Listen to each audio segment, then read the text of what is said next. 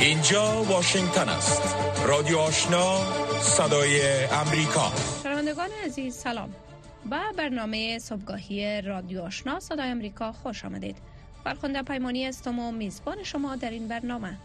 در سرآغاز برنامه توجه کنید به تازه ترین خبرهای منطقه و جهان که همکارم لیلما حبیب عظیمی به توجه می رساند. سلام و وقت بخیر. مشروع خبرها. قصر سفید می‌گوید که شبکه القاعده در افغانستان و سایر کشورها به یک سازمان به شدت محدود شده مبدل گردیده. اما گزارش سازمان ملل متحد حاکی است که القاعده مراکز جدید آموزشی در افغانستان را ایجاد کرده است. جان کربی سخنگوی شورای امنیت قصر سفید در پاسخ به پرسش صدای امریکا پیرامون گزارش شورای امنیت ملل متحد در مورد فعالیت های القاعده و روابط این گروه با طالبان افغانستان گفت القاعده توان این را ندارد که امریکا را تهدید کند. جان کوربی اضافه کرد ارزیابی های جامعه استخباراتی ما نشان می دهد که القاعده در موقف قرار ندارد که حملات عمده را بر خاک ایالات متحده انجام دهد. کوربی در پاسخ به پرسشی که آیا واشنگتن تهدید القاعده در افغانستان را کم اهمیت جلوه می دهد افزود ما تهدید تروریستی را در هیچ جای از جهان کم اهمیت جلوه نمی دهیم و سه سرباز امریکایی که در اردن کشته شدند با ائتلاف مبارزه با داعش ما دخیل بودند که هنوز هم در عراق عراق و سوریه فعال است. وی به کشته شدن ایمن الزواهری رهبر القاعده در کابل و رهبران گروه داعش در ماها و هفته های اخیر در سایر کشورها نیز اشاره کرد. شورای امنیت سازمان ملل متحد حکومت طالبان در افغانستان را به داشتن روابط نزدیک با شبکه القاعده متهم کرده مدعی است که این شبکه در چندین ولایت افغانستان مراکز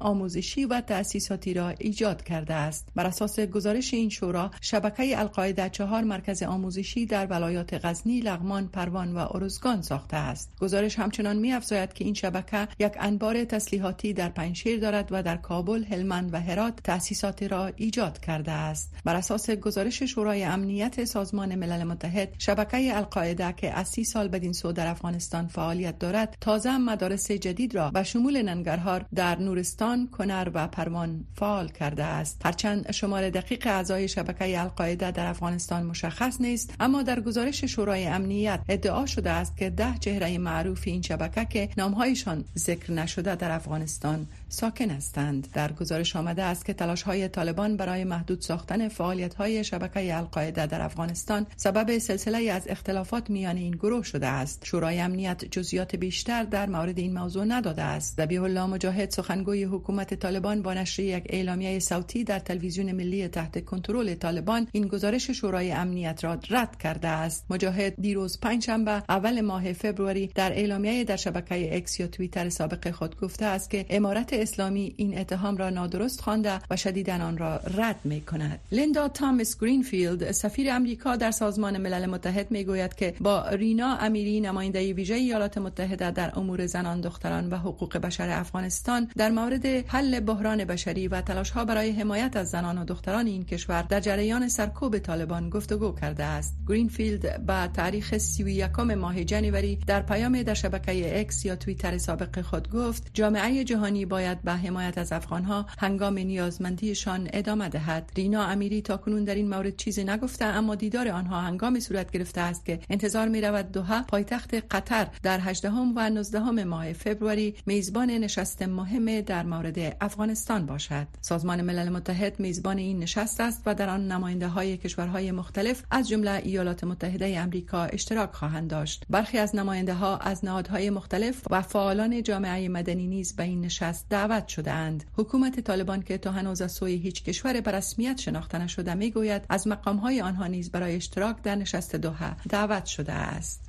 مشروع خبرهای منطقه و جهان را از رادیو آشنا صدای امریکا دنبال می کنید. رهبران اتحادیه اروپا با اتفاق آرا در مورد کمک جدید 50 میلیارد یورویی با اوکراین توافق کردند. این حرکت پس از آن صورت گرفت که هنگری یکی از اعضای این اتحادیه از مخالفت خود دست کشید. چارلز میشل رئیس کمیسیون اروپایی پس از دستیابی به این توافق در نشست بروکسل در شبکه اکس یا توییتر سابق نوشته است که حمایت رهبری و مسئولیت را می طلبد. ولودیمیر زلنسکی رئیس جمهور اوکراین در اعلامیه در شبکه اکس یا توییتر سابق این حرکت رهبران اروپا را خیلی مهم خوانده گفته است که این تصمیم رهبران 27 عضو بار دیگر وحدت قوی این اتحادیه را ثابت می کند حدود دو سال از تهاجم غیر موجه روسیه بر اوکراین می گذرد. وزارت دفاع روسیه می‌گوید نیروهای دفاع هوایی این کشور دیروز اول ماه فبروری 11 تیاره بی پیلوت اوکراینی را بر فراز سه منطقه سرحدی روسیه در بلگورود، کورسک و ورونج سقوط دادند. اما به تلفات یا خسارات مادی آن اشاره نکرده است. این وزارت روز گذشته نیز گفته بود که 20 راکت نوع کروز اوکراینی را سقوط داده که به استقامت شبه جزیره اشغالی کریما فایر شده بود. به گفته وزارت دفاع روسیه این راکت ها در یک منطقه نظامی در شمال سواستوپول سقوط کردند یک پایگاه هوایی روسیه در این منطقه قرار دارد اما نام آن ذکر نشده است اوکراین از تایید دخالت در این حملات بر روسیه خودداری کرده است گزارش ها حاکی از آن است که 150 غیر نظامی فلسطینی در 24 ساعت گذشته در غزه کشته شدند. گزارش ها در 24 ساعت گذشته از کشته شدن افراد وابسته به گروه تندرو حماس و غیر نظامیان در نوار غزه خبر می دهند. حماس از سوی ایالات متحده و اتحادیه اروپا به عنوان گروه تروریستی شناخته می شود. خبرگزاری اسوسییتد پرس خبر داده است اردوی اسرائیل چهارشنبه اعلام کرد که 15 تن از اعضای حماس را در غزه کشته است. این خبرگزاری به نقل از وزارت صحت عامه غزه نیز گزارش داده است که در 24 ساعت گذشته 150 غیر نظامی فلسطینی کشته و 313 تن دیگر زخم برداشتند. شمار فلسطینی های کشته شده در جنگ میان حماس و اسرائیل تا کنون به 26900 تن رسید.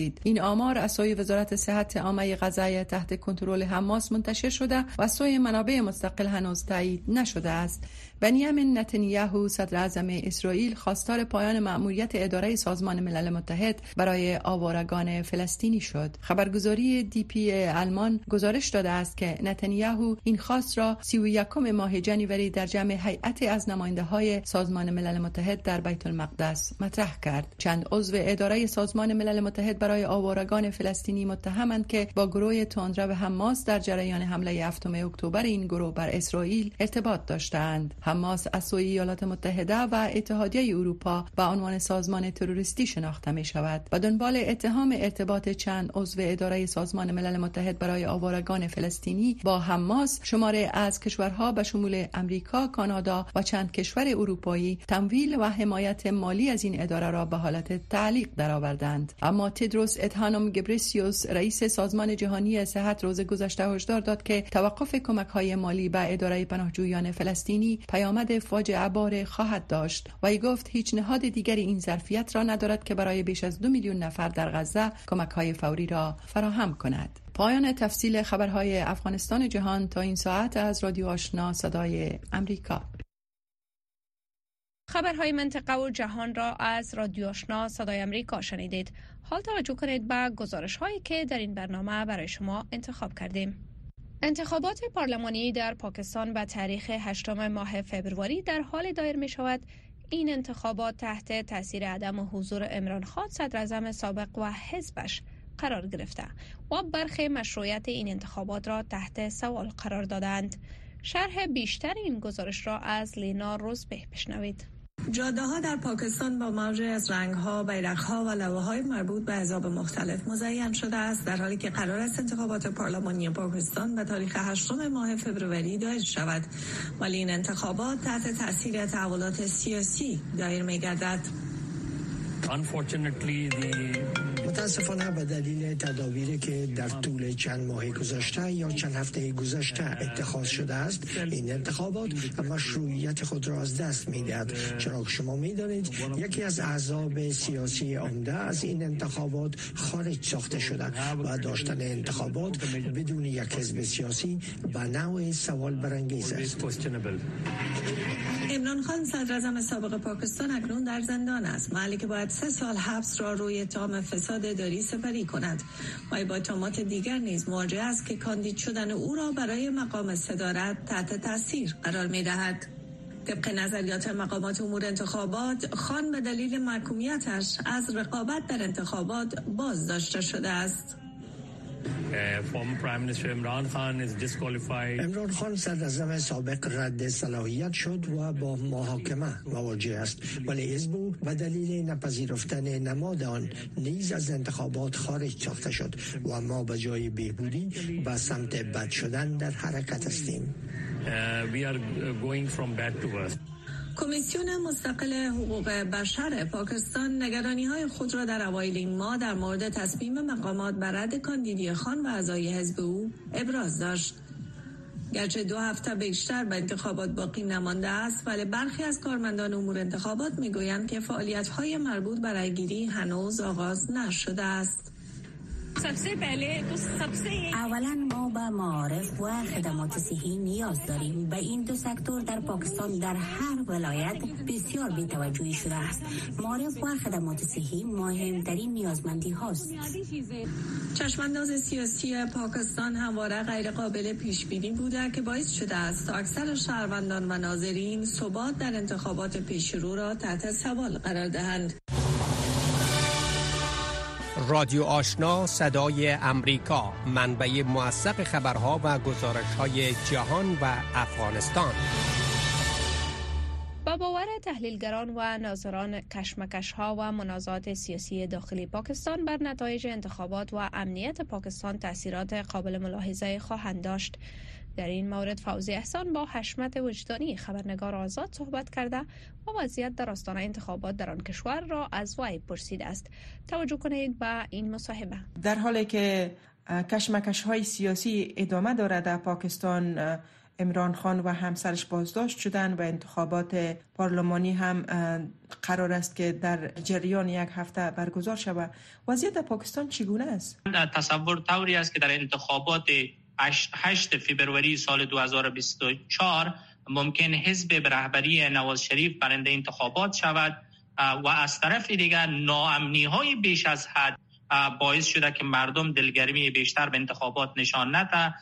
امروز ما شاهد چندین حمله در ایالت بلوچستان و همچنان در ایالت خیبر پختونخوا بودیم. دیشب یکی از کسایی که کاندید به خاطر پارلمان بود از خیبر پختونخوا به خصوص از ساحه باجورد که کاندید مورد حمایت حزب تحریک انصاف پاکستان بود کشته شد و امروز اقتداد زیاد مردم به رسم اعتراض جنازه او را در سرک ها گذاشتن و بالاخره دفن گردیدن بنان موضوع نشان میده که وضعیت در دو ایالت خیبر پختونخوا و بلوچستان از نگاه امنیت به شدت وضعیت وخیمتر است و مردم هم کوشش می‌کنند که در این انتخابات علاقمندی شرکت بیشتر نداشته باشند این کشمکش های سیاسی ای زندانی شدن امران خان و همسرش در این وقت و بودن قریشی در انتخابات این وضعیت عمومی را از نگاه امنیتی چقدر می‌تونه مختل کنه در پاکستان؟ بدون شک در جامعه پاکستان به خصوص بعد از اینکه عمران خان توسط احزاب مخالف از قدرت برکنار شد. محبوبیت عمران خان را در جامعه بیشتر ساخت و از طرف دیگه احزاب مخالف که حکومت وحدت ملی را تشکیل دادن وعده هایی که به مردم سپرده بودند به خصوص در ارتباط به اقتصاد نتانستند که به او وعده ها عمل بکنن و از جانب دیگه نرخ مواد اولیه در دوران امران خان و بعد از امران خان که حزب حکومت وحدت ملی به پیش می‌برد دو چند شد. بنابراین کشمکش ها بیش از حد است و در پاکستان اگر انتخابات به صورت شفاف و عادلانه برگزار شود صاحب نظرات در پاکستان قسم تحلیل می‌کنند که حزب به رهبری امران خان با وجودی که آقای امران خان در زندان به سر می‌برند ممکن نامزادهایی که از جانب حزب تحریک انصاف در انتخابات شرکت می‌کنند برنده انتخابات خواهند بود. تبصره ها چیست؟ نتایج این انتخابات طرفدارای امران خان در حالی که امران خان در زندان به سر می‌بره قبول خواهند کرد؟ از جانب دیگر حزب مردم پاکستان اونا نیز که از جمله رقیب سرسخت حزب به رهبری آقای نواز شریف است اونا نیز گفتن در صورتی که انتخابات شفاف و عادلانه در پاکستان برگزار نشود ما به هیچ صورت نتایج انتخابات را قبول نخواهیم کرد و در مقابل تصمیم به تظاهرات و, و, فعالیت خود ادامه خواهیم داد. خب موضوع نشان میده که در پاکستان همیشه نظامیان پاکستان نقش برجسته داشته من فکر می‌کنم که در صورتی که اگر انتخابات به بنبست احتمال بسیار زیادی وجود داره که یک حکومت نظامی در پاکستان سر کار شود. مردم بیشتر از چی نگران هستند در بین امی کشمکش ها مردم پاکستان خود مردم تحلیلگرا را چی بیشتر نگران می‌کنه مردم بسیار نگران وضعیت امنیت از چند شب پیش شما این حملات گسترده از جانب گروه های مسلح بلوچ در بلوچستان پاکستان. و از جانب دیگر حملات ازدیاد حملات بیش از حد تحریک طالبان پاکستان مردم را واقعا نگران ساخته و هر روزه شاهد انفجار و انتحار هستند اینا به خصوص در ایالت خیبر پختونخوا و بلوچستان. نگرانی طوری است که اگر این ناامنی ها گسترش پیدا بکنن ممکن انتخابات چالش کشیده شود. و از طرف دیگر تصور طوری از در پاکستان که در عقب تمامی این ناامنی ها به یک شکل استخبارات و نظامیان پاکستان دخیل هستند این تصور اکثریت تحلیلگران در پاکستان است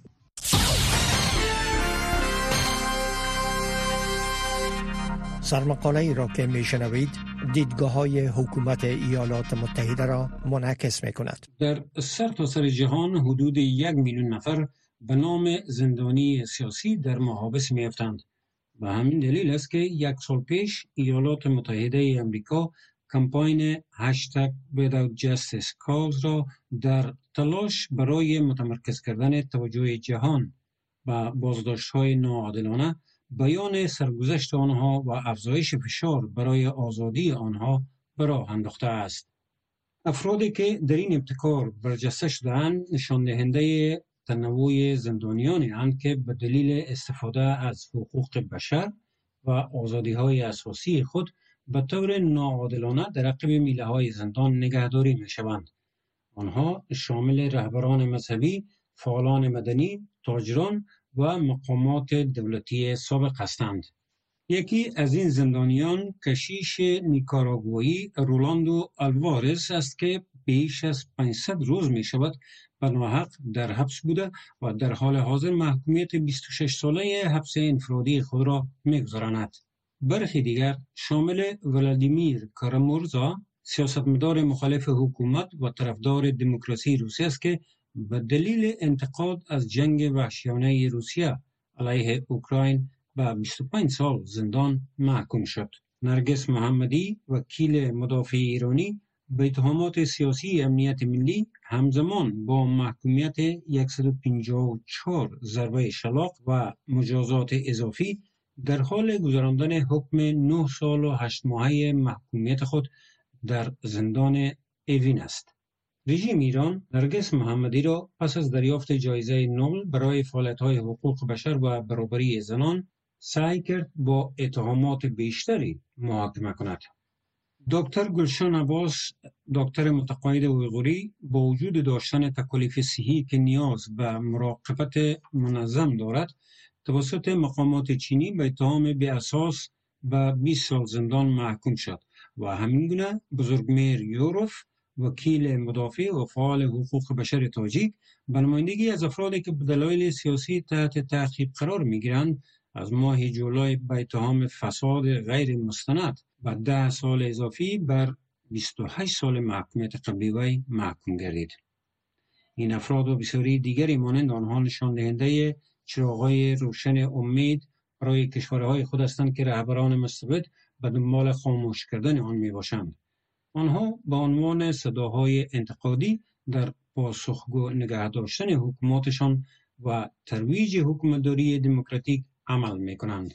در حالی که طرح هشتگ without just cause وارد دومین سال خود می شود ایالات متحده دوباره خواستار آزادی زنان و مردان شجاعی است که بازداشت آنها یادداشت شده و به طور گسترده تر خواهان آزادی تک تک افرادی است که به طور ناعادلانه در سراسر جهان زندانی شدهاند.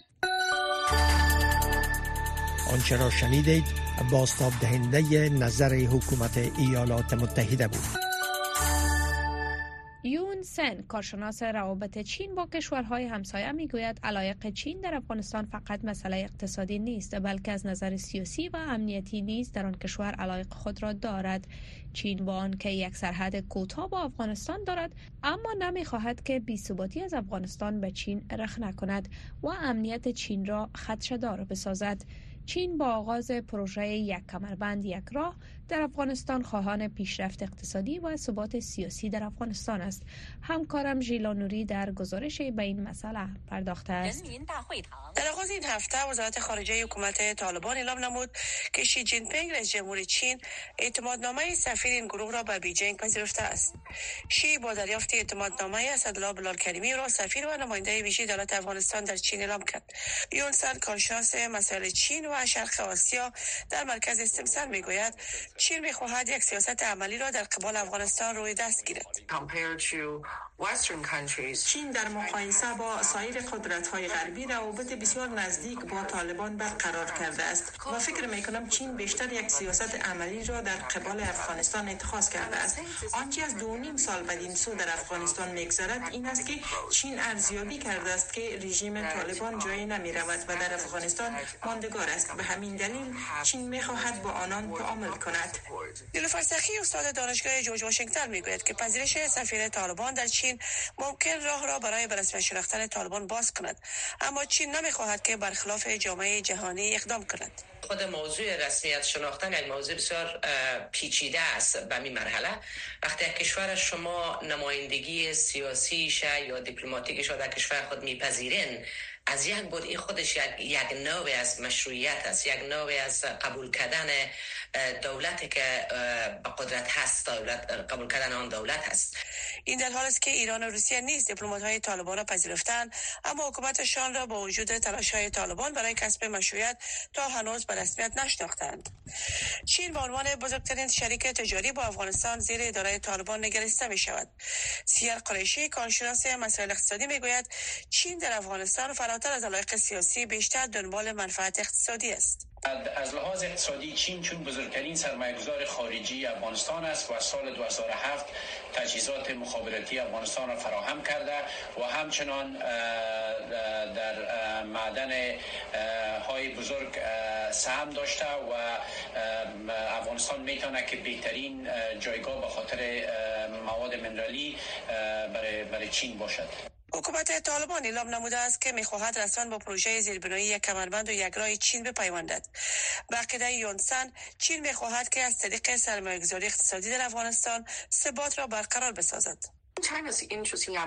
علاقمندی چین در افغانستان هیچ وقت در مورد دو موضوع اقتصادی سیاسی یا امنیتی نبوده. چین با آنکه سرحد کوتاه با افغانستان دارد اما نمی‌خواهد ثباتی در چین رخ نکند به خاطر که به امنیت داخلی چین تاثیر گذار است. چین با وسعت بخشیدن پروژه یک کمربند یک راه از طریق افغانستان به این باور است که پیشرفت اقتصادی در افغانستان ثبات سیاسی به بار می آورد جامعه بین به شمول ایالات متحده بکرات گفته است که اگر طالبان خواهان کسب مشروعیت و رسمیت یافتن در عرصه بین‌المللی هستند باید با حقوق همه شهروندان افغانستان به شمول زنان و دختران و ها احترام بگذارند. رادیو آشنا صدای امریکا. پنج تا هفت صبح و هفت شام تا ده شب. تازه ترین خبرها و گزارش ها ایرل انتونی وین تحلیلگر پالیسی عامه در مرکز تحقیقاتی ویلسن و معاون سابق سفارت ایالات متحده در افغانستان به رسمیت شناخته شدن حکومت طالبان از جانب چین را بعید می داند. شی جین پینگ رئیس جمهور چین روز گذشته اعتبارنامه سفیر حکومت طالبان در آن کشور را به گونه رسمی پذیرفت. ولی ایرل وین در مصاحبه با همکارم سید عزیز رحمان گفته است که این کار نشان دهنده آمادگی بیجینگ برای به شناختن حکومت طالبان نبوده بلکه می تواند بیانگر علاقمندی چین برای بحث های اقتصادی و تجارتی با افغانستان باشد. توجه کنید به مصاحبه سید عزیز رحمان با ایرل وین تحلیلگر پالیسی عامه در مرکز تحقیقاتی ویلسون و معاون سابق سفارت ایالات متحده در افغانستان. شی جین پینگ رئیس جمهور چین اعتمادنامه سفیر طالبان به آن کشور یعنی به چین را به گونه رسمی پذیرفت. این اقدام تا چه حد با اهمیت است با خصوص برای طالبان؟ خب فکر می کنم دلچسب است که رئیس جمهور چین نماینده طالبان را با چهل تن از دیگر سفیران با خود داشت. یقینا که این کار نشان می دهد که چین با این فرد به مانند یک سفیر رفتار می کند ولی حتمی نیست. بیانگری این باشد که چین رژیم طالبان در افغانستان را مشروعیت رسمی می دهد طوری که می دانید بار اولی که آنان یعنی چینایی ها سفیر طالبان را پذیرفتند آنان اشاره کردند که طالبان را تا کنون به رسمیت نشناختند. قبل از شناخت رسمی چین خواستار برخی از پیشرفت ها بوده به شمول تشکیل یک حکومت همه شمول در افغانستان. بهبود وضعیت امنیتی و دیگر اصلاحات. بنابراین فکر می کنم باید ببینیم که تماس چین با حکومت در افغانستان به کجا می انجامد خب زمانی که موضوع به رسمیت شناخته شدن حکومت طالبان مطرح میشه ظاهرا به نظر می رسه که بسیاری از کشورها به خصوص جهان غرب در انتظار ای هستند تا ایالات متحده در این جهت گام اول را برداره پس به باور شما چین در انتظار کی است و یا روسیه در انتظار کی است؟ خب فکر می کنم فشار جهانی هنوز هم وجود دارد. تا قبل از برسمیت شناخته شدن این اطمینان حاصل شود که طالبان تلاش همه جانبه می کنند و فکر می کنم که این یک دیدگاه وسیع و مشترک است. چین نیز این را می داند و روسیه نیز می داند نگرانی بزرگ در مورد زنان و دختران در افغانستان وجود دارد. ولی فکر می کنم که آنان درک کردند که طالبان هنوز هم بر اساس یک دیدگاه بسیار تنگ سیاسی حکومت می کنند و تا حال آن را گسترش ندادند. به خاطر به رسمیت شناخته شدن از سوی کشورهای منطقه طالبان ضرورت به آوردن تغییرات بیشتر در شیوه حکومتداریشان هستند. یقین دارم که چین هنوز هم در مورد جنبش افراطی ترکستان شرقی نگران است. ولی در این حال فکر می کنم که چین علاقمند بحث های تجارتی و اقتصادی و تعامل با افغانستان است که شاید یکی از دلایل باشد که چین به کابل سفیر فرستاده و نماینده طالبان در بیجینگ پذیرفته شده است. پس شما احتمال به رسمیت شناخته شدن حکومت طالبان از جانب چین را به این تلقی می‌کنید درست؟ خب نمی‌توانم بگویم در مورد این که چین چه فکر در سر دارد می‌دانم. ولی می‌توانم بگویم که آنها یکی دو فرصت برای انجام این کار داشتند. به شمول چند ساعت پیش. اما این کار را نکردند. بنابراین نشان می‌دهد که چین تا کنون آماده این کار نیست. فکر می‌کنم بحث های بین المللی منظم در مورد این که با افغانستان چگونه برخورد شود وجود خواهد داشت. یک گرد همایی بین المللی در ماه آینده برگزار خواهد شد که در آن بحث های بیشتر پیرامون این موضوع صورت خواهد گرفت. فکر می کنم چین در قبال این موضوع محتاط عمل می کند اگرچه مایل است ولی به یک بارگی این کار را نمی کند چین گام های کوچک برمیدارد تا ببیند که دیگران چگونه پاسخ می دهند فکر می کنم چین فشار بقیه جامعه جهانی را احساس می کند آقای اوبین ایالات متحده در مورد نزدیکی روابط بین چین و طالبان ظاهرا نگران نیست ولی فکر نمی کنید که این نزدیکی باعث گسترش دامنه نفوذ چین به عنوان رقیب عمده ایالات متحده در منطقه شود؟ یقینا که می شود و چین با بسیاری از کشورها در منطقه بسیار فعال است. فکر می کنم مشهود است که چین منافع و علاقمندی قوی به خاطر عمیق‌تر ساختن روابط با تمام کشورهای منطقه دارد. چین پروژه ابتکاری یک کمربند یک راه را به پیش می‌برد که بر اساس آن روابط اقتصادی خود را با برخی از کشورها ایجاد می کند چین سرمایه گذاری می کند و با دیگر کشورها کار می کند تا زیر بناهای اقتصادی را بنا کند.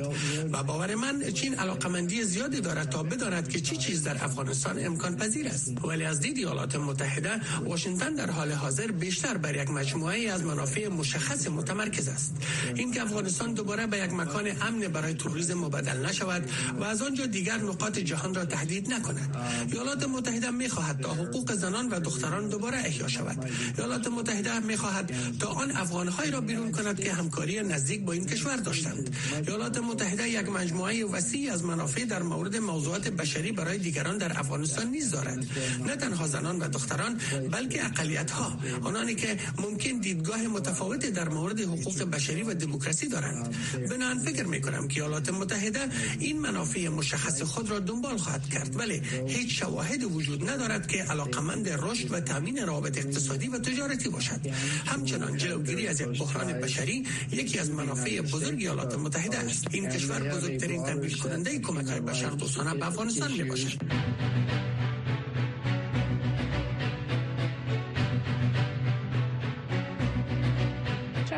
عزیز این بود نخستین برنامه صبحگاهی دری تا چند لحظه دیگر نشرات پشتوی صدای امریکا روی همین موج آغاز می شود شنونده رادیو آشنا باشید.